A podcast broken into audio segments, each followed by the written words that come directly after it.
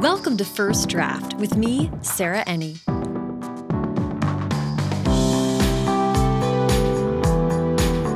This week I'm talking to Samira Ahmed, best-selling author of Love, Hate, and Other Filters, Internment, Mad, Bad, and Dangerous to Know, and Amira and Hamza, The War to Save the Worlds. She is joining us to talk about her latest YA contemp, Hollow Fires. If you enjoy First Draft, there are a lot of ways to support the show. First and foremost, by joining the First Draft Patreon, where for 5 or $10 a month, you'll get access to an exclusive community forum, monthly video chats with me, 15% off all First Draft merch, and more. Check it out at patreon.com slash firstdraftpod. If you want to just donate directly to the show on a one-time or recurring basis, you can do that at paypal.me slash firstdraftpod or by donating via Venmo. The show is at firstdraftpod on there. The show notes for this and every episode are packed with links to everything the guest and I talk about, and it's a great way to help support the show because First Draft is an affiliate of bookshop.org. So whenever you buy a book through a link on firstdraftpod.com, part of your purchase supports the show and part of it goes to independent bookstores at no extra cost to you. And while you're on the website, check out the shop to see all the First Draft merch. Every purchase directly benefits the show. There's plenty of free ways to help too, like by subscribing to the podcast on whatever app you're using to listen right now, and leave a rating and review on Apple Podcasts. And sign up for the First Draft newsletter to be sure you never miss an episode and hear about news and upcoming events. Okay, now, please sit back, relax, and enjoy my conversation with Samira Ahmed. Hi, Samira. How are you doing today? Hi, Sarah. I'm great. How are you doing? I'm doing so well. And I'm really excited that we get to talk about Hollow Fires, your new book. It's also, by the way, just like stunning. As you know, I like to start all the way back, go way back to the very beginning. So I'd love to hear about where you were born and raised. Sure. I was born in Bombay, India. And a lot of people ask me why I don't say Mumbai. I'm going to just explain it now for it to be out there. Sure. Bombay, India is what it was called when I was born. And I still call it that because the name was changed by a Hindu nationalist party who came to power um, in India for reasons I completely disagree with. And so I was born in Bombay, and that's what I still refer to it as. I'm a little bit old school about it. My parents came to the States in the early 70s. I was just a baby. English was not my first language. My first language was Urdu. And I always like to put that out there because I was a former teacher and I had many, many students for whom English was not their first language. And, you know, I think it's always interesting to know when people are speaking other languages, especially when they're working and writing in a language that wasn't their very first. We settled in the Chicagoland area I grew up in a very small town, Batavia, Illinois, which is where I actually set my very first novel. It is a town that has this very kind of Wonder Years meets Norman Rockwell vibe to it. We were also the very first South Asian family to live in the town. And it was this very, I think at the time when he moved there, there were fewer than 11,000 residents. Oh, wow. I was always the only um, Indian kid, the only Muslim kid in my school, and almost the only child of color. I do want to ask about um, storytelling as a kid, reading and writing growing up. How was that a part of your life? My name Samira means storyteller. Really? Yeah, so it's actually interesting. Samira actually has a root, an Arabic and Persian root. It came into Urdu, you know, through those languages. And in Urdu, the translation of the of my name is storyteller. My mom said it was a great name for me because I always love to talk so much. School was very, very important. So I would spend a lot of time at the library. My parents always encouraged us to read. They were really, really big on us doing very well in school, um, meaning like do not get a B. Mm-hmm. Mm-hmm. Um, a B is an Asian F. So, but they weren't thinking that we would become artists or writers or creatives. That's not a thing for Indian immigrant parents, especially in the 70s. I was supposed to either be a doctor or a lawyer. Mm-hmm. My math mm-hmm. just was not good enough to be an engineer, which would have been the third choice. Um, I mean, it's funny to me that, you know, that you were given the name storyteller, but then like, oh, well, but that's not what we, you know, it's so like strange. Right. I talked to a lot of people, uh, like other, you know, immigrant kids in this, the similar situation, um, you know, early immigrant kids here, because there are an incredible number of Indian doctors mm -hmm, mm -hmm. from my generation. I mean, I'm a Gen Xer, just to date mm -hmm. myself. Um, and, you know, I think there's something about wanting stability and respect in the new country because our parents came here they speak with an accent and mm-hmm. their degrees aren't considered the same way here as they were um, in India. My parents actually went to architecture school in India, so they both had degrees in architecture. So it's not like they were doctors or engineers or lawyers, but those were considered the professions that could give us a foundation for our future and also respect in this country mm-hmm. because if you are an immigrant of color, you're not getting the same respect if you are in some of these other professions. In another interview, you talked about your great grandmother telling you bedtime stories. Yes. Well, the stories that kind of went from my great grandmother to my grandmother to my mom to me, uh, which kind of led into my middle grade book, Amira Hamza, which kind of has this storytelling element about it. My family always has this kind of rich tradition of telling stories that are a little bit like supernatural about like jinn and buddies, which are like Indian fairies. And some of those tales actually came from basically the Mughal court storytellers. The Mughals were rulers in India and they had storytellers who would come to the court and tell stories for the king. And a lot of those stories come from some of the grand epics like the Hamza Nama, the Adventures of Amir Hamza, that were tales that you know traveled across time through oral tradition, uh, time and space through oral tradition, like beginning like in in Persia and across the Arabian continent, and you know over the mountains, and eventually to India, into the courts, and downward into the family. Plus, a lot of Indian families, Indian Muslim families have jinn stories that are mm. just in our family. So mm-hmm. I was always fascinated by these stories. When I was a kid, there was a story of a snake that was born into a family. The woman who gave birth to the snake gave birth to a baby and a snake at the same time. Okay. Like twins. And this snake jinn became the protector of this baby. Okay. And would sleep under its crib at all times and would not allow anyone to go near it.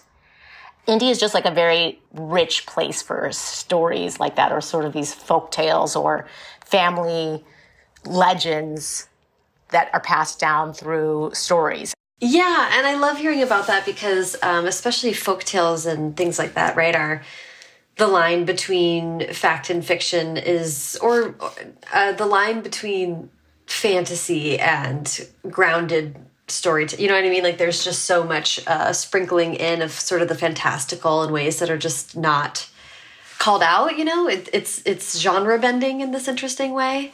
Right. Um, well you know what's kind of interesting about that is that for jinn stories I mean, people telling these stories in India, and I don't want to speak for sort of the larger Muslim world, but these stories exist over a huge part of the world. But they're not even looked at as fantasy in a way because Jinn are creatures of fire who coexist with us on this plane, but we just can't see them. For many people, there's, um, you know, there's a religious element to it. There's definitely this cultural element to it. So when you say genre bending, it's kind of interesting because it's sort of applying the Western notion of genre to yes.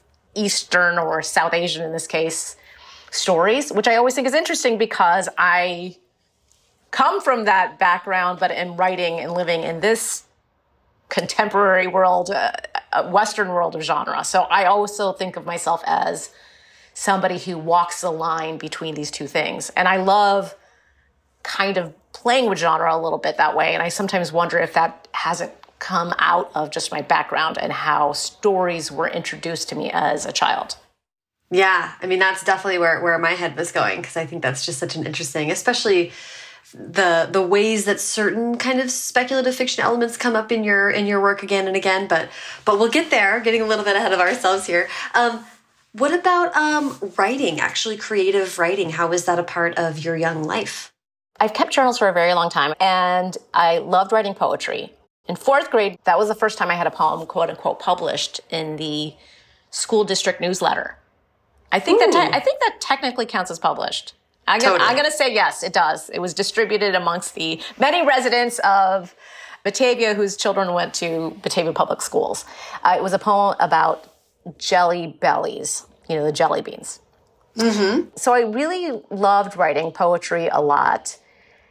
And in school, you know, I do remember writing, you know, kind of personal narrative, but poetry to me is the thing that I can remember the most being interested in and writing, you know, since I was that third or fourth grader through high school and beyond, like in college and, uh, and, you know, elsewhere. So poetry was really kind of my creative outlet, I guess. Yeah, yeah. The I read that you're uh, that you went to school and your undergraduate thesis was on romantic Orientalism, examining the influence of the of Napoleonic conquest on Byron's writing. Is that that's accurate? exactly right, and that is what inspired my third book, Mad, Bad, and Dangerous to Know. I was an English, I was an English major at University of Chicago, and uh, obviously I convinced my parents it was okay to be an English major and not a doctor because I had an incident when I was younger and babysitting my sister where she cut herself on the thumb and I fainted when I saw the blood. So that was so clearly not going to be a doctor. And then I got into University of Chicago, which is the school that I wanted to go to, and I first was thinking of being a philosophy major. Mm-hmm. And when my parents heard that, they were like, "What can you possibly do with that? How could you even buy groceries?" And so then when I was like, okay, maybe I'll be an English major, they were like, okay, thank God. There's like probably some jobs that she could get with that. so I was an English major. I really loved it. I did actually a joint degree um, and did a master's in teaching at the same time. But that thesis on romantic Orientalism, um, looking specifically at Napoleon's influence on Byron's writing, really inspired my third book, Mad, Bad, and Dangerous to Know, which is basically a moniker that was given to Byron. But that whole thesis was actually inspired by a character in Mary Shelley's Frankenstein. There's Ooh. this character of Safie or Sophia, I guess, I'm not quite sure how Mary Shelley wanted it to be pronounced. And she is this character that's just in there sort of somewhat briefly. Um, the monster sort of engages with her and sees her. She's kind of this orphan whose father is a Muslim and whose mother is a Christian. And she very much represents these Orientalist tropes of the time, which is she is the virginal young woman who has to be saved from the wretches of the Islamic world and her terrible savage father etc. And I was so fascinated by this because uh, I had no idea the romantics were writing about Muslims. And when people talk about Frankenstein, they don't talk about this Orientalist piece at all. And, you know, even though I love Frankenstein, people also don't talk about how Mary Shelley was essentially a white feminist. That's mm-hmm. not to mm-hmm. take away from the brilliance of what Frankenstein is, but when we talk about our favorites, we have to know the ways in which they're problematic. So that inspired that thesis, and I just found it so fascinating how Napoleon was really interested in conquering, quote unquote, conquering the Muslim world. I mean, he basically failed because his Egyptian conquest was a big failure, but he had this weird fascination of wanting to implant himself in the history. Like he gave these speeches where he would say like, "Oh, you Muslims of Egypt, I know and love your Muhammad more than you do." Which I, I remember when I read these speeches, I was like, "This is so bizarre, but it's this interesting sort of assimilation, right? Like of taking on this culture as your own so that you can rule it. Yeah, that sounds like a narcissistic for sure. For sure. I mean, it's Napoleon, so I think that seems to go with it. So all of those things were so interesting to me as I was coming across some of Napoleon's history and then seeing how Byron, um, who was really a terrible person.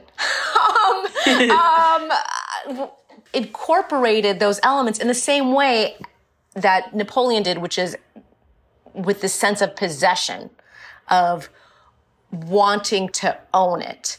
And you can see in specifically in Byron's poem, The Giaour, which is this grand epic poem, and that's what really influenced or inspired my book. There's little stories in there that are supposedly drawn from what things that actually happened to Napoleon or that Napoleon talked about. Um, now, again, we can't verify all of these, but there's this story of how Napoleon had kind of a, a harem, quote unquote, when he went to Egypt, like his own harem, and took in or I mean, really kidnapped this this young woman into the harem. She was, you know, 14 or 15, so obviously not any age to give consent. When he left, he abandoned her there and her family supposedly had her drowned in a sack death. Uh. A sack death means you are tied in a sack and stones are put at the bottom of the sack and you're tied up and thrown in a river. That occurs in Byron's poem, The Giaour. Mm-hmm. And the character, Leila, whom that occurs to, I wanted to take her story um, and tell it from her point of view because in that mm-hmm. incredible epic poem, The Giaour, which it's fascinating in so many ways. It's a multiple POV poem. There's an early reference to a vampire in that poem. Interesting. And it's essentially this poem about two men fighting over a woman. And despite all these multiple points of view, including, you know, this uh, point of view of like this random fisherman and all these other things, Leila, the, the woman, never gets to have her own voice. And so part of what I wanted to do uh, was to give her her story and, mm-hmm. um, you know, respond to Byron's poem uh, that way. Yeah, yeah, I love that. Okay, that's so interesting. Um, I want to kind of fast forward just a little bit here and have you kind of tell us a little bit about you left school and you became a teacher, you worked at educational nonprofits. I want you to just track for me like the development of creative writing and how you actually came to the idea that then you realized was going to be a book. right. So, um, I did many things before I wanted to become a writer, and I never really imagined wanting to be a writer. I mean, it wasn't a passion I thought I would pursue. It was just sort of like a fun side hobby, like knitting or, or something like that. After I finished my master's, I went on to be a high school English teacher for seven years, which I really enjoyed. And all that time I was kind of writing on the side as well, just for fun, keeping my journals, etc. Sometimes I would be writing poetry. Sometimes I did some occasionally take a class here or there, like at the Y or Media Bistro or, or something like that. And I was submitting occasionally poetry then to some magazines. And even in college, the University of Chicago at the time did not have a creative writing major or mm-hmm. even classes. Now things have changed. But at the time, then there was a, a visiting professor who was a poet and was offering this poetry seminar, and you had to submit poems to see if you could get into the class. I did not get into that class but I did end up doing okay. So uh, I like to tell that story because a lot of times people will ask me, "Do you have to have a BFA or an MFA?" And I'm like, "No, you don't have to." In fact, the one class at university that I tried to get into that was creative writing, I was rejected from. So mm-hmm. I was just still doing it for fun. I had submitted some poetry where I got to read at a few events, but the poems I'd sent out were rejected. And that was the time where you had to send it in, you know, snail mail. Mm-hmm, and you mm-hmm. sent it with a self-addressed stamped envelope in there so they could return it to you. Yeah. And tell you, put a little like post it like this is rejected. And if they put a line on there, like if they wrote a line on your poem, that was considered good. So I remember yeah, I got a few things that were like, I did like this though. Please continue to submit. Yeah. so yeah. I did. That's good. Yes, it was that was good. I mean, it was it was also a good way to get used to rejection. Yeah. But I was also a teacher, so I had a thick skin anyway. Yeah, yeah. Uh, so I'd lo- I'd love for you to tell the story of the short story that stuck and became because you have this great story about how you actually started to tackle a novel. Right. So I had just been writing for fun, kind of on the side, and then I kind of had this idea for what I thought could be a story. At that time, I had taken a number of classes that were mostly kind of creative nonfiction or poetry. I'd never taken a short fiction or novel class at all because I thought if I ever wrote a book, maybe it would be like a book of essays, like nonfiction essays. Mm-hmm. But then I sort of got this idea for a story about a girl who is, you know, just a girl like all the other girls and living your life and, you know, trying to figure out where she wants to go to school. And then something happens that shatters her world. And I was sort of, you know, writing in my journal like little notes about this idea that was sort of forming in my mind. And I was talking a lot to my then boyfriend, now husband, about it. and I was, I kept saying, well, I wonder if in this story I could do this, or I wonder if it would be like this. And I really thought it might just be a short story. And I kept talking to him about it and, and explaining what it could be. And then he said to me, well, he's like, why don't you just stop talking about it and actually write it? I mean, I'm sure he was sick of hearing of it, but that's also great advice. It's important to have someone in your life who just will say to you, okay, cool, you've talked to me about it now for three months. Do you consider pulling up the chair to your computer and just writing some of this down? Yeah. uh, because, so that that was basically this idea of this girl that, and it just would not leave my mind. And so I started taking notes, and I thought, I don't I think this could actually be more than a short story. This seems more like a book. Hmm.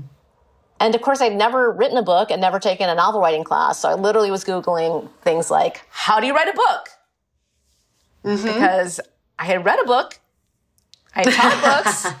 That does not mean you know how to write a book. So I had been, I was Googling and I was going to, you know, the Barnes and Noble and getting all these craft books out and trying to figure it out. And it just, it, nothing was working, nothing was gelling in my mind, and I was sort of just like kind of giving up. Like, what am I thinking that I could write a book? And then I thought, you know what? Maybe I'll just write a short story and see what happens from there.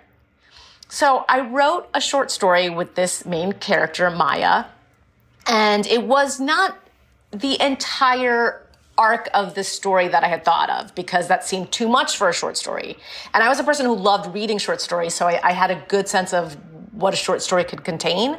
Mm-hmm. I wrote the short story and I really loved it. And I realized that this character and this story could actually be more. Like this story mm. could have legs. Mm-hmm. Writing that short story is how I discovered my process. Then, like my young adult novels that have come after that, when I get an idea, I always write sh- a short story first based on that idea. Yeah. And I call it my treatment. It doesn't contain the entire arc of the novel because that would just be the novel. Um, but rather, it's sort of a vignette in the life of this character. And, you know, I always like to say that when I'm having a story idea, I, I have three things that come to the fore for me. And that's a character, a conflict, and a question. And so that short story, though it doesn't flush all of those things out, will have the elements of those things. And sometimes I've written a short story and I'm like, mm, this is not going to be a book. Right. This is just going to be a fun idea I had. Yeah. Maybe it could be a short story one day. Right. And I really actually I love hearing about that process because I think that's exactly the the huge benefit you get from it. I like the idea that, you know, like a short story is sort of this like bouillon cube, right? Of like what ultimately will be a larger thing. But if it's not working in its most core state, then it's not ready for you to spend like, you know, the year or two that it takes to like flesh out a whole novel. So you're kind of doing like a test run to get at the heart of something. I just think that's so that probably saves you a lot of time and energy. It does. Honestly, I really I really like being efficient. and so it took me a very long time to figure that process out. But I think it's really important to know what works for you because yeah. there's always so much advice out there. Yeah. And this worked for me. Like maybe this will work for someone else. I hope it, if it does, that would be awesome. Tell me about it. I just think I get a sense from that treatment, from that short story. Do I want to live in this world for a year, two years, mm-hmm. 80,000 words, mm-hmm. probably more. Yeah. The thing about that messy first book, you know, Love, Hate, and Other Filters was a book that I really wrote just completely pantsing. Um, I didn't really organize it. I didn't have a sense of it. And my very first draft of it was 120,000 words. Okay. Which is absolutely way too much for contemporary novel. That's like epic fantasy length. Mm-hmm. And it eventually was published at 65,000 words. Oh, wow. Yeah. So I tell that story a lot, especially when I visit schools, because I say, look, I had to be willing to say, look, there's like 55,000 words that are not the right words. Mm-hmm. And those are just going to sit on my computer. And I don't look at that as a failure or a waste of time because that's what it took for me to get to the final story that is sitting on a shelf now. Yes. But that also helped me become a more efficient writer for my later books because every book is a learning process, right? You learn more about yourself and you learn more about your writing. And even if my process varies a little bit for my, you know, subsequent books, there's a few core things I learned from that first novel that have stuck. And one of those is writing that short, short story, writing that treatment. Yeah, I love that. I want to ask a little bit about that book coming out and how it changed your life in some significant ways, but do you mind just giving us a quick pitch for Love, Hate, and Other Filters? Sure. Love, Hate, and Other Filters follows the story of this young woman, Maya, who's a 17 year old girl who really wants to be a filmmaker. And she dreams of going to NYU film school. And she has a crush or two on a couple boys that she's come across. But her parents have different ideas for her. They have different expectations for her. And while she's struggling with all of that, there is an intercalary story that follows an act of domestic terrorism as it's about to happen. And when those two stories meet, Maya's world is changed forever. And this novel kind of follows what happens to her as she's just trying to live her life. And then what happens when there's a moment in childhood uh, where your dreams are crushed. Mm-hmm, mm-hmm. So the book came out and it hit the New York Times bestseller list, I believe. Is that correct? That's right. Yes. yes. Um, Shockingly to everyone, mostly me. well, yeah, that was it was a pretty amazing experience. Right, and it came out in 2018. I just want to ask about that experience. Like, it's a book that's so personal and specific to you, and is talking about things that are like very, very present in our culture right now and top of mind. But like before 2018, I'm not sure how, you know, present these things were in YA books. I mean, what was that experience like for you? Because I felt like it was a little bit, at the time, it felt like kind of groundbreaking that this book was like a really big, splashy debut. I had no idea what to expect. You know, I was probably less versed in publishing than many debut writers who, you know, I didn't have a writers group and I didn't really have a sense of it of how publishing mm-hmm. worked and this book sold and suddenly there was a lot of buzz around this book i mean there were other muslim authors who had books you know published prior to that aisha saeed's book um, you know written in the stars was one of the early ya contemporary books and of course, on the fantasy side, Sabaa Tahir was mm-hmm. writing, mm-hmm. Tahereh Mafi mm-hmm. was writing, but there weren't a huge number of Muslim authors. And I think there had not been books that were dealing so directly with Islamophobia as Love, Hate, and Other Filters was. And that was with this little indie press, Soho Teen. Some of some folks might know that um, as a press where Adam Silvera also started. Mm-hmm. They really just did a fantastic job of getting it out there. And I was really blown away by the incredible reception that I was getting from people on social media and indie booksellers um, it was an Indies introduced book. It was getting a lot of buzz, and I'm very thankful for it. I mean, I was very nervous because I had no idea who would read the book or if anyone was going to pick up that book. I think the moment that changed for me was at BEA BookCon. I was having a book signing and I was so nervous. I was like, okay, I don't know if anybody's going to show up to this. By that time, I already had a few friends in publishing, um, you know, Claribel Ortega and Kat Cho and the wonderful Dhonielle Clayton, who were all trying to calm me down. And they're like, somebody, people will show up. And when I went to the signing, there was this huge line. And it really was incredible for me, especially because there were some people who came, like a friend of mine who I had not seen in, I think, 15 years came with her teenage daughter to the book signing. She drove up from Pennsylvania to New York from that. It was really an amazing experience. And like you said, it did change my life because then with that success, I, I thought I'm going to be able to write other books. Mm-hmm. I'm going to get to keep doing this. I think the first time you write a book and it sells, you're just not sure like what's going to happen next because even, you know, long established authors might not be able to sell every book idea they have. But I think after that first book, I thought, okay, wait, I kind of know what I'm doing. I figured it out. That long process to get here mm-hmm. taught me something. Yeah, I love that. I want to talk about then moving on and writing internment. That also blew up and was a really big deal. And I feel like internment and Hollow Fires have so much kinship with subject matter and, and cover design and all that stuff. So they're really sort of being kind of paired in an interesting way. But I'd love for you to talk a little bit about what internment is and also what that development and writing process was like. So I started internment while Love, Hate, and Other Filters was being subbed okay. by my then agent. Um, so even before that, while I was querying Love, Hate, and Other Filters, I'd gotten this other idea for this book, Internment. Mm-hmm. I mean, just to give people a sense of time, that w- meant that I was writing Internment in 2016. Mm-hmm. If you read Internment, a lot of people think that I wrote it as a reaction to the Trump administration, but it was actually written um, before mm-hmm. that. Mm-hmm. And largely, I was, you know, really plugging away at it because I had met Dhonielle Clayton through my sister, actually. Oh. My sister, Sarah Ahmed, who is an educator and she and Dhonielle worked at the same school in New York. Oh, funny! That's so interesting. Yeah, and that. so we met. Yeah, so we met, and Dhonielle was like, "Keep going, keep writing this other book. You should always, while you're on sub, write something else."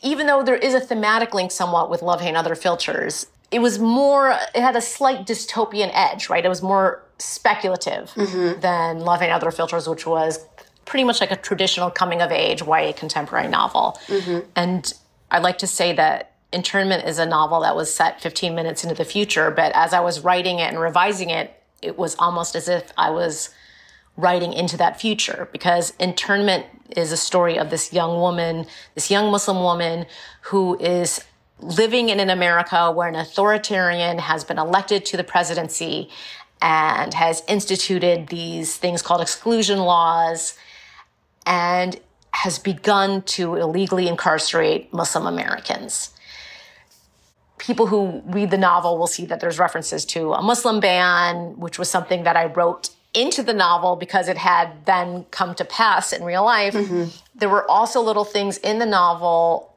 uh, like there's this moment where in the beginning where Layla goes to see her boyfriend. Her boyfriend is Jewish, and those relationships are now being frowned upon, these interfaith relationships. And they both get a presidential text alert on their phones.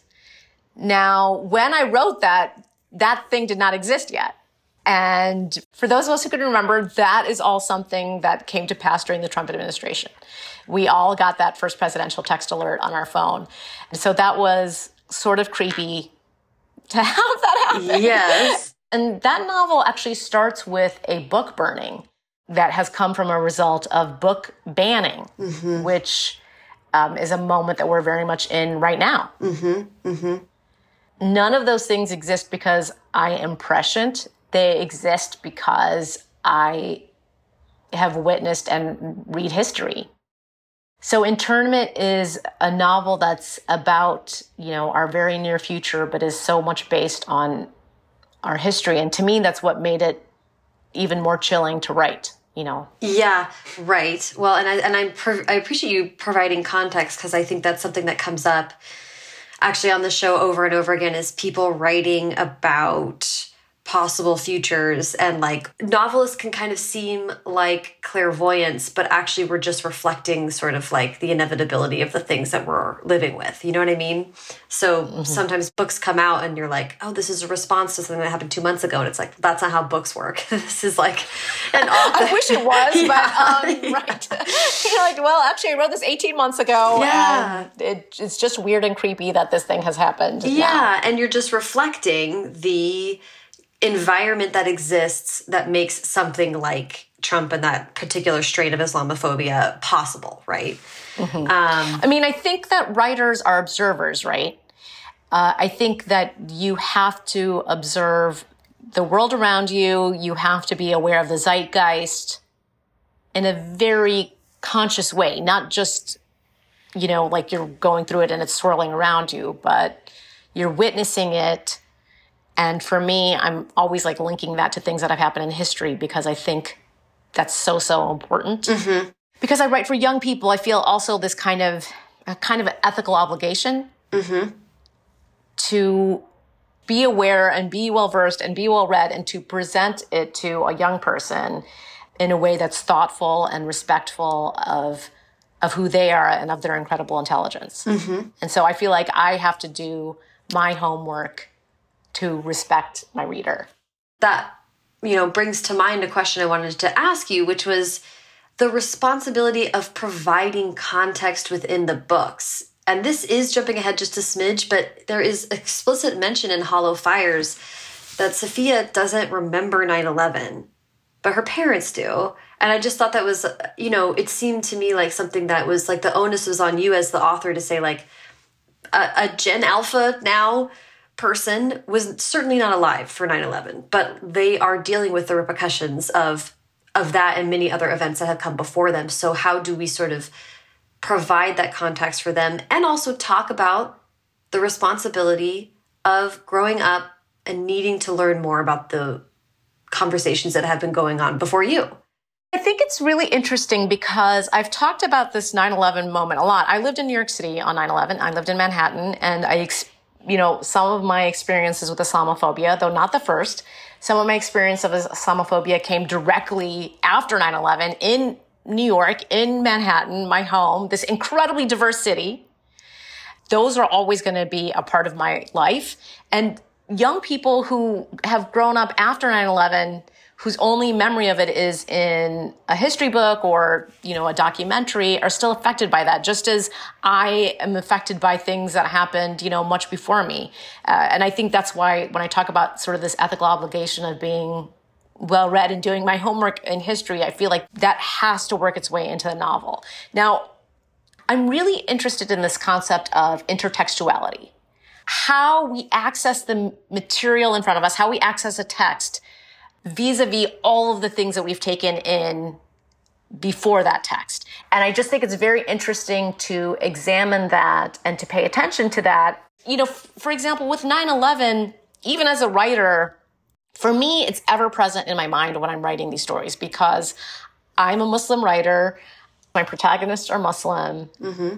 There's no way it doesn't enter their consciousness. There's no way their parents aren't thinking of it when they're raising those kids, mm-hmm. even if they're not saying it explicitly. Mm-hmm.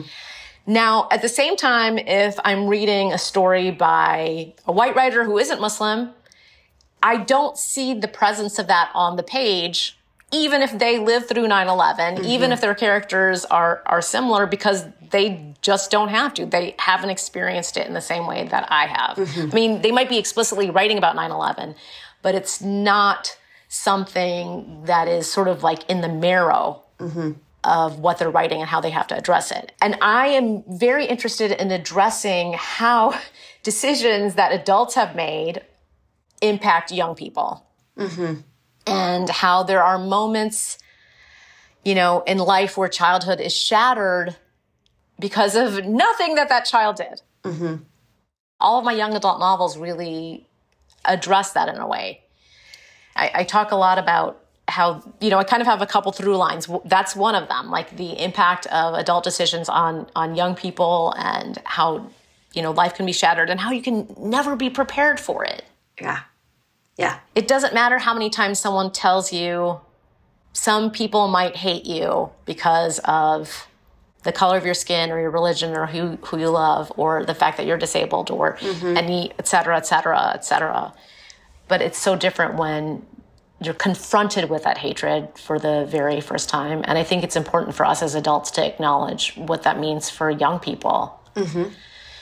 Um, so, yeah, I, I, think that's something that's really important for me. And I, I also talk a lot about how I have this through line of the revolutionary girl because I think for those young people who are having to deal with so many of these things, you know, they're being put in these positions to have to find their courage. And I just would love to live in a world where we we didn't have to put kids in those positions mm-hmm. because I feel like we as adults should be able to spare them from that.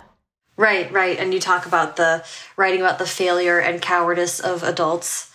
You know, then how do you talk to a group of teens who will then one day grow up to become those adults who have the opportunity to make hopefully better choices? But, you know, you're talking about the inevitable fallibility of the human experiment, I guess. I mean, this is like intense stuff.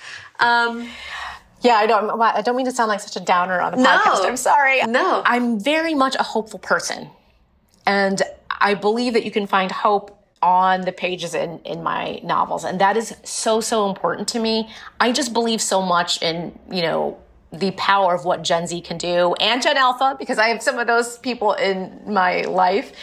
I'm so encouraged by them. I just wish we had given them something better than this world that we're leaving them with. But I also want to say that I am not saying that with any kind of resignation. I still believe that adults, you know, millennials, Gen Xers, and yes, boomers, um, should continue to be fighting for justice for our kids. We should be trying to clean up all these messes we've made of our earth and all that. And, you know, even just like recently with Neil Young mm, pushing back mm-hmm. on Spotify, mm-hmm. I was like, yeah, go boomer. This yeah. is what you should all be doing. Like, right. stand up and, you know, a lot of them were coming from a, a time of revolution, mm-hmm. Um, mm-hmm. you know, in, in America. And I would love to see more people stand up. I think as we get older, a lot of people do become a little bit more conservative and more, you know, concerned with just what's happening for themselves. Yes. Well, there's, well, I think what you're also talking about is maintaining a plasticity, right? Like, like, uh, you write about teen girls who are inspiring. And so we as adults can be inspired and decide to think differently and decide to continue to evolve and adapt with the world as it evolves and adapts with a new generation and new thoughts and ideas and perspectives. So I do, I certainly see optimism, but it is sort of also saying, you know, this is a cycle and we, and there's a phrase I used with a friend the other day. I was like, I'm an optimistic person, but I think I'm an optimistic nihilist. When I say the inevitability of like human fallibility, I look at that as like accepting that we can't be perfect all the time. Uh-huh. And then with that as the construct, you say, but I can try. And that's like hopeful to me in a way that's not like good vibes only, you know? it, it is. I mean, I, I think a, a lot of times people will say to me, well, how do I start? And I will say, do one small thing. Maybe you're not ready to lead the March on Washington like kids at Parkland did. Maybe it's doing something on a local level. Maybe, you know what? There's a kid in my neighborhood who at the start of the pandemic, he was, I think he was 12. He knew there was a shortage of masks. And he started, he learned to sew. His mom taught him how to sew a mask. And he started making masks out of cloth and giving them to um, like re- retirement centers young people can be inspiring to others because they have that curiosity, they have that habit of mind. Mm-hmm. Just spend time around toddlers and you'll understand that sense of curiosity and as adults, as a former teacher, I think one of the things we really can do is to always provide a space in schools or libraries or in our larger world where the the curiosity of childhood can continue to flourish mm-hmm. as opposed to, you know, closing the door on that as we become older. I don't know. That's just. I believe in the curious mind, everyone. Yes. It's just important. Yes, I love that. That's um, very well said, and I couldn't agree more. Let's make sure we, we get to Hollow Fires and talk about Hollow Fires explicitly before too much time goes, um, because we're talking about all the themes that you were really tackling there. So let's just really get into it.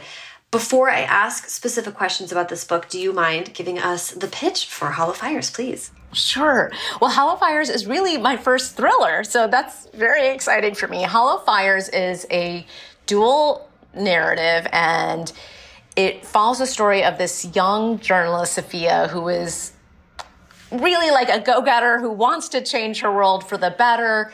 And she finds that there's a young boy who has gone missing and no one seems to be paying attention to him. He's a young Iraqi refugee and no one seems too interested in what's happened to this young man. As we discover that he has in fact been murdered, we find that people are constantly wanting to conceal the truth around that. And Sophia wants to find the truth, even if it could maybe have a very heavy price for her. Mm-hmm. Mm-hmm. Okay, so there's a few kind of like writerly behind the curtain questions that I have for you because, as you said, it's dual point of view. One of those points of view is uh, is Jawad the appropriate way? To, yep, okay. Jawad, Jawad, a ghost. A ghost. He is a ghost. it is immediately like he leads with that. we know that his... You know right away. It's not a spoiler, everyone. It's like yeah. the the very first line of the book is you never forget when you first see a dead body. So we know there's a dead body. Yes. And he we know he's a ghost and we hear from him. He is a he is able to speak to his own experience and story and he is advocating for justice for himself. And and and i thought that was so interesting and it brought me back to some parallels. I mean the ghosts eh, or the the discussion of history as involving ghosts is kind of a something that comes up again and again in your writing and i'm just so interested in what what led you to think of giving him his own voice in this story. Well, I talk a lot about justice in all of my books. In this book, I also address the idea of justice. And, you know, the thing is, for people who have been murdered or what is justice? I mean, I think I'm interested in this question. What really can that be? Right. And I wanted Jawad to have a voice in that because I think one of the things I would hope to do in my stories is give a voice to those whose voices have been forcibly oppressed. Mm-hmm. I don't like to use the phrase voiceless because I don't really believe that people are, no one's born voiceless, right? There's only those who voices have been forced down or like, you know, clamped down upon or who have, people who have been silenced. And I wanted Jawad to have his own voice. I wanted him to be able to speak. And I think many of your listeners know the wonderful Laura Ruby. Mm-hmm. Mm-hmm. And she wrote a ghost story, 13 Doorways, Wolves Behind Them All, this brilliant book, National Book Award finalist. I encourage everyone to read it. And in there, she tells a ghost story in a lot of ways. And so I think that was one of the books that sort of got me thinking a little bit about writing a ghost story from their point of view. I want to also talk about structurally, you have the two points of view. One is very, and they're two different ages. I mean, they're just very distinct. But the the book is also a found uh, found document. Uh, yes, it's a found document novel, which I you can see I really need to refine my pitch because I should have brought that up in in that I'm like not I'm terrible at pitching my own books. Yes, it's a found document novel, and I'm so fascinated by that. And that was actually inspired by nonfiction. Mm-hmm. Specifically, the book Say Nothing um, by Patrick Radden Keefe, who's wonderful, and he has some podcasts too, which I highly encourage people to listen to. I will link um, to all that in the show notes because he has I his uh, book about the Sackler family was my favorite book last year. So good. He, Say Nothing is a story of a murder during the Irish Troubles, but it also follows all these different sort of pathways that lead to it. It's not just a singular narrative. Now, that doesn't mean that he has all these found documents in there, but there was something about like the way nonfiction can address murder mm-hmm, and mm-hmm. crimes mm-hmm. that I thought was so fascinating. Mm-hmm. And as a kid, I loved books that had anything like that, like letters or other things. I, I in fact, in Mad, Bad, and Dangerous to Know, my third book, there's also letters like from dead writers in there. But in Hollow Fires, I also talk about why Jawad's death is not being talked about in the media. And the only way to sort of really present that was to talk, to have those pieces of media in the novel. Because I think, you know, when we're addressing what journalism gets right and also what it gets wrong, I think it's important to have, you know, those examples in there. When I was a teacher, one of the units that I worked with on, on students was looking at how media presents facts.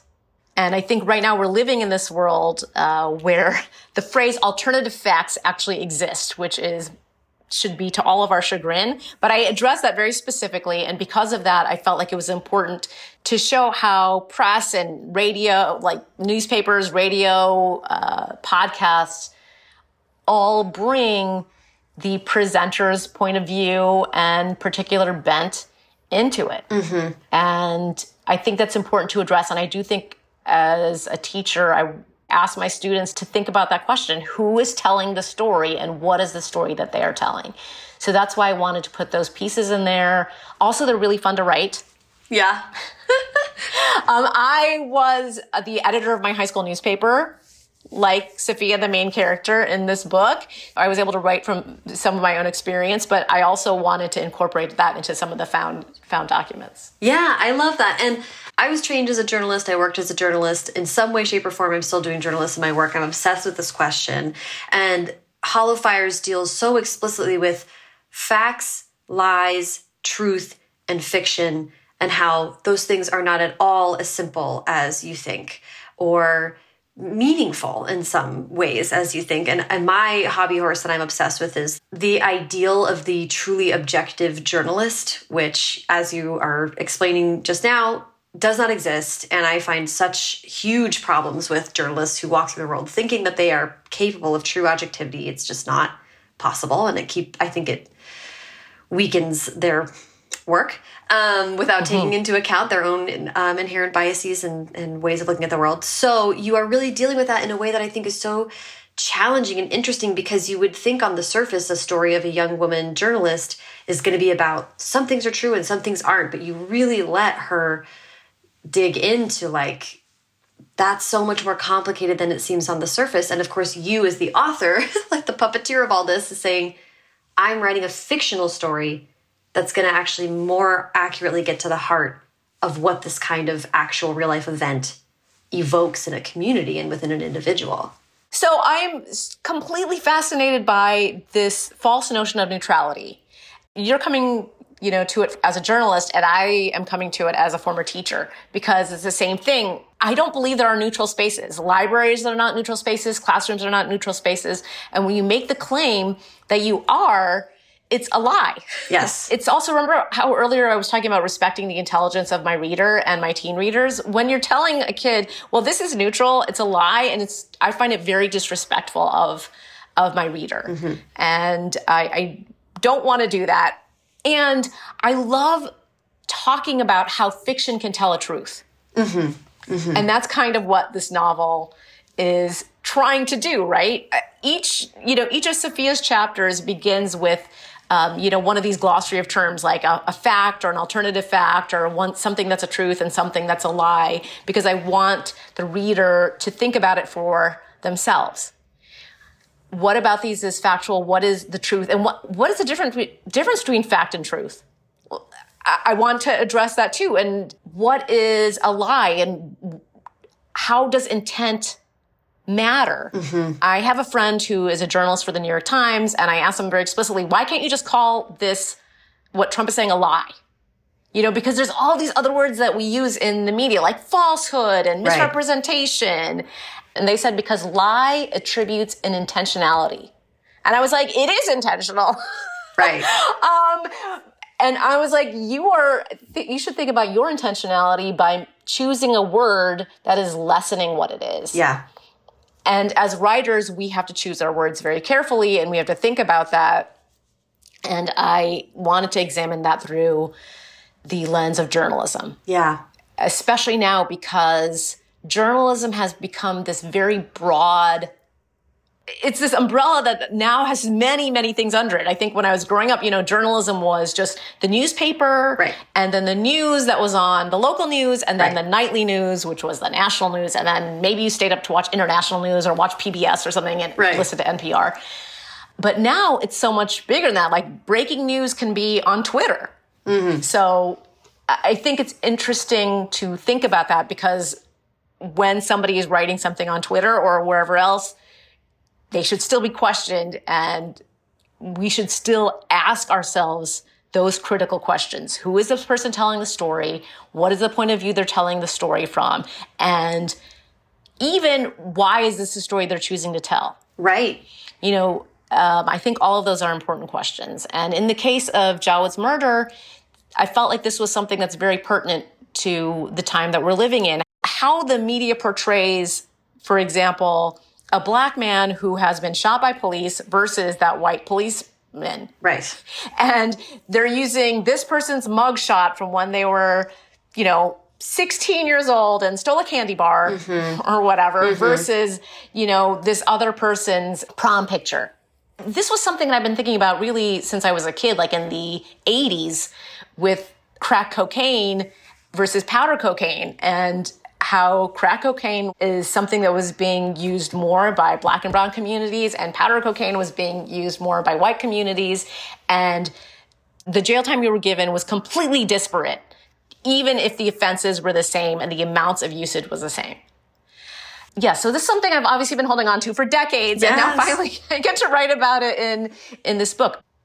I, listened to a lot of you know true crime podcasts while I was writing this book, mm-hmm. and you know one of the things I was learning was who are the true crimes that we're interested in. Mm-hmm. Which are the ones that get followed? Which are the ones that get attention? Mm-hmm. And um, you know, for the most part, it's if it's a crime that happens to a white woman, it's going to get more attention than a crime that happens to a black or brown boy, or a black woman, right? Or you know, a black trans woman, or a you know a, a native or indigenous woman. All right. of these are literal examples from right now. Right. So I was strongly influenced by all of that in this book. Yes, and I think I what I love about it is as you're saying, layperson journalist, Sophia is not, you know, hasn't gone to college yet, but she is empowered to make change through seeking in the way that journalists seek.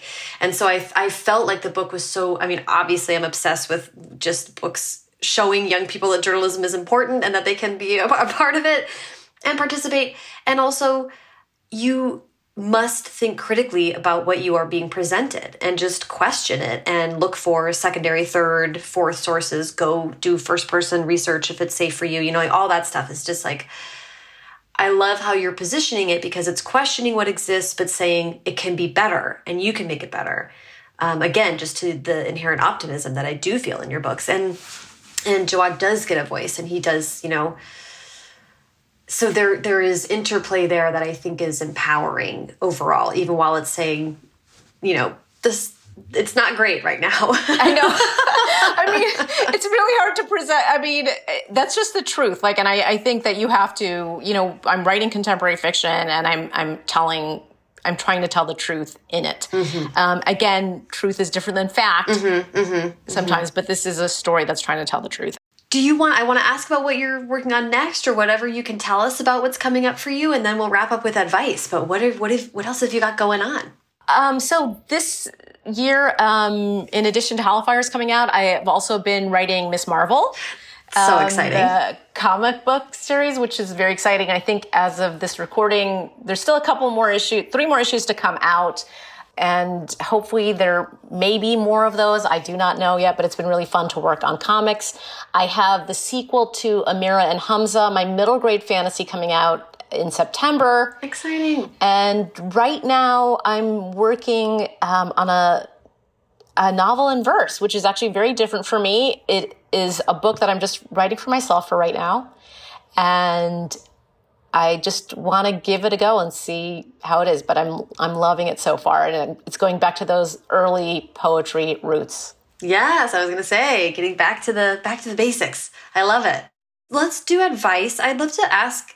You know, you've written about very topical things that are deeply meaningful to you personally, but are also like challenging places to live for a long time. It takes a long time to write a book, so being in a space that's where you're are dealing with grief or or things that are hard to to to live with how do you write about those things and sort of maintain self-care and maintain you know good feeling with yourself well it's been hard during the pandemic i'm not gonna lie and i've done a lot of writing during the pandemic so there was a I was dealing with a little bit of, of burnout too, mm, because mm-hmm. I think a lot of people are feeling that way right now, just not even necessarily just writers, just because life. But one thing that I try to do is, you know, a lot of times people talk about morning pages, like writing in their journal in the morning. So I do morning, but also night journal writing. So I write in my journal twice a day, mm-hmm. just really briefly, and I call it info dump writing. Yeah. So I can just sort of get it out there on the page and not try to have it linger. I usually start every day with a, you know, the brief journal writing and also a brief meditation. A lot of times when it's things are especially tough, I like to read like just a poem before I start writing. And then I just try to make the writing space as comfortable as possible. Like I usually have my nice cup of tea. If it's winter, that I'm lighting some candles in my space. I'm also a person who likes to come to work dressed, I guess. Uh-huh. Um, so that's also a way that I make a distinction between my personal space and my workspace. So I get ready for work just I, like I used to when I had my other jobs.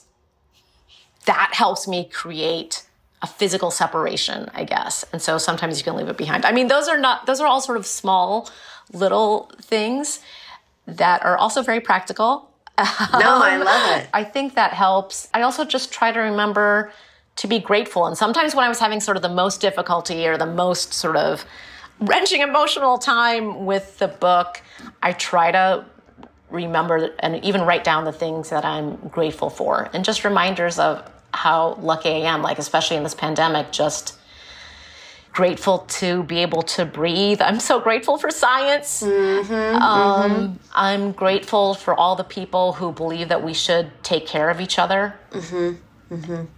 and those are all things that are important to me and that help keep me grounded. Yeah, I really appreciate and that grounded was definitely the word I was going to use there because that's that's something I have been thinking about a lot lately because it is as you say be it's um not only has it been a long 2 years but also it's just going to be a lot of time processing what we all just went through, everybody's individual experiences dealing with um, everything and coming up with and finding the grounding routines has been like kind of quietly transformative for me in my life. And and I also started journaling in March 2020. I started journaling because I was like, I'm gonna want to remember all these like silly little details that of course you know i was like yeah i'm glad that i did that and then at the end of every journal entry i did gratitude writing and it was that really helped and it helped you know talking about truth and perspective like at the end of the day you know i would kind of be getting ready for bed and just being like, ugh, I didn't do this, I didn't do that, and whatever. And then you sit down and you write in your journal and you're like,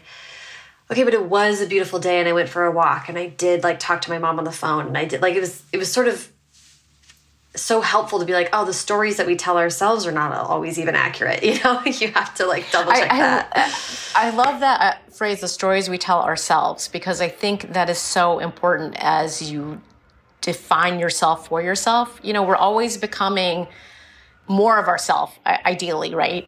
I hope that I can live with as little regret as possible. That doesn't mean there's not things that kind of gnaw at us, which is what I think you're talking about. Like when you, at night, when you're like, oh, I should have done this, I should have done that. And I think having some grace for yourself and accepting your imperfections actually allows you to extend grace to others too. Yes. Yes. And I think that's really helpful. I mean, I'm a very, you know, I I'm sure people are getting the sense that I like to be efficient and, and driven and I have I'm a list person and I do like a personal review of my work and forward review at the end of each year for myself. Mm-hmm. I do like five year, one year, and quarterly and monthly goals. So, I mean, I'm very, in some ways, like I'm very rigid, but uh, that allows me to have like creative space. But I also allow myself to have um, some forgiveness for myself. Mm-hmm. Mm-hmm. Yeah. And I think what ties into all that you just said is what we talked about earlier with curiosity and staying curious with yourself and being willing to grow. Oh my gosh. Well, we uh, could have many, many more hours of podcast conversation, I'm sure. But for now, um, this was such a wonderful conversation, Samira. Thank you so much for giving me so much of your time today. I really appreciate it. Thank you so much, Sarah. I love talking to you and I love the podcast. It's been one of my long-time faves.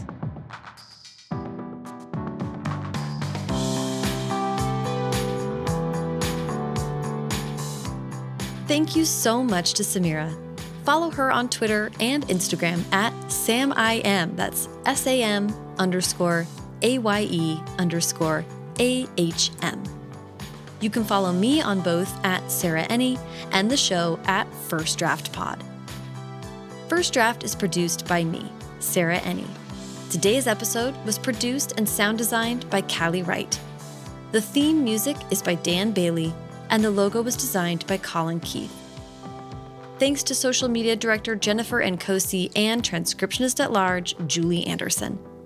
And as ever, thanks to you, Ghost Vengeance Seekers, for listening.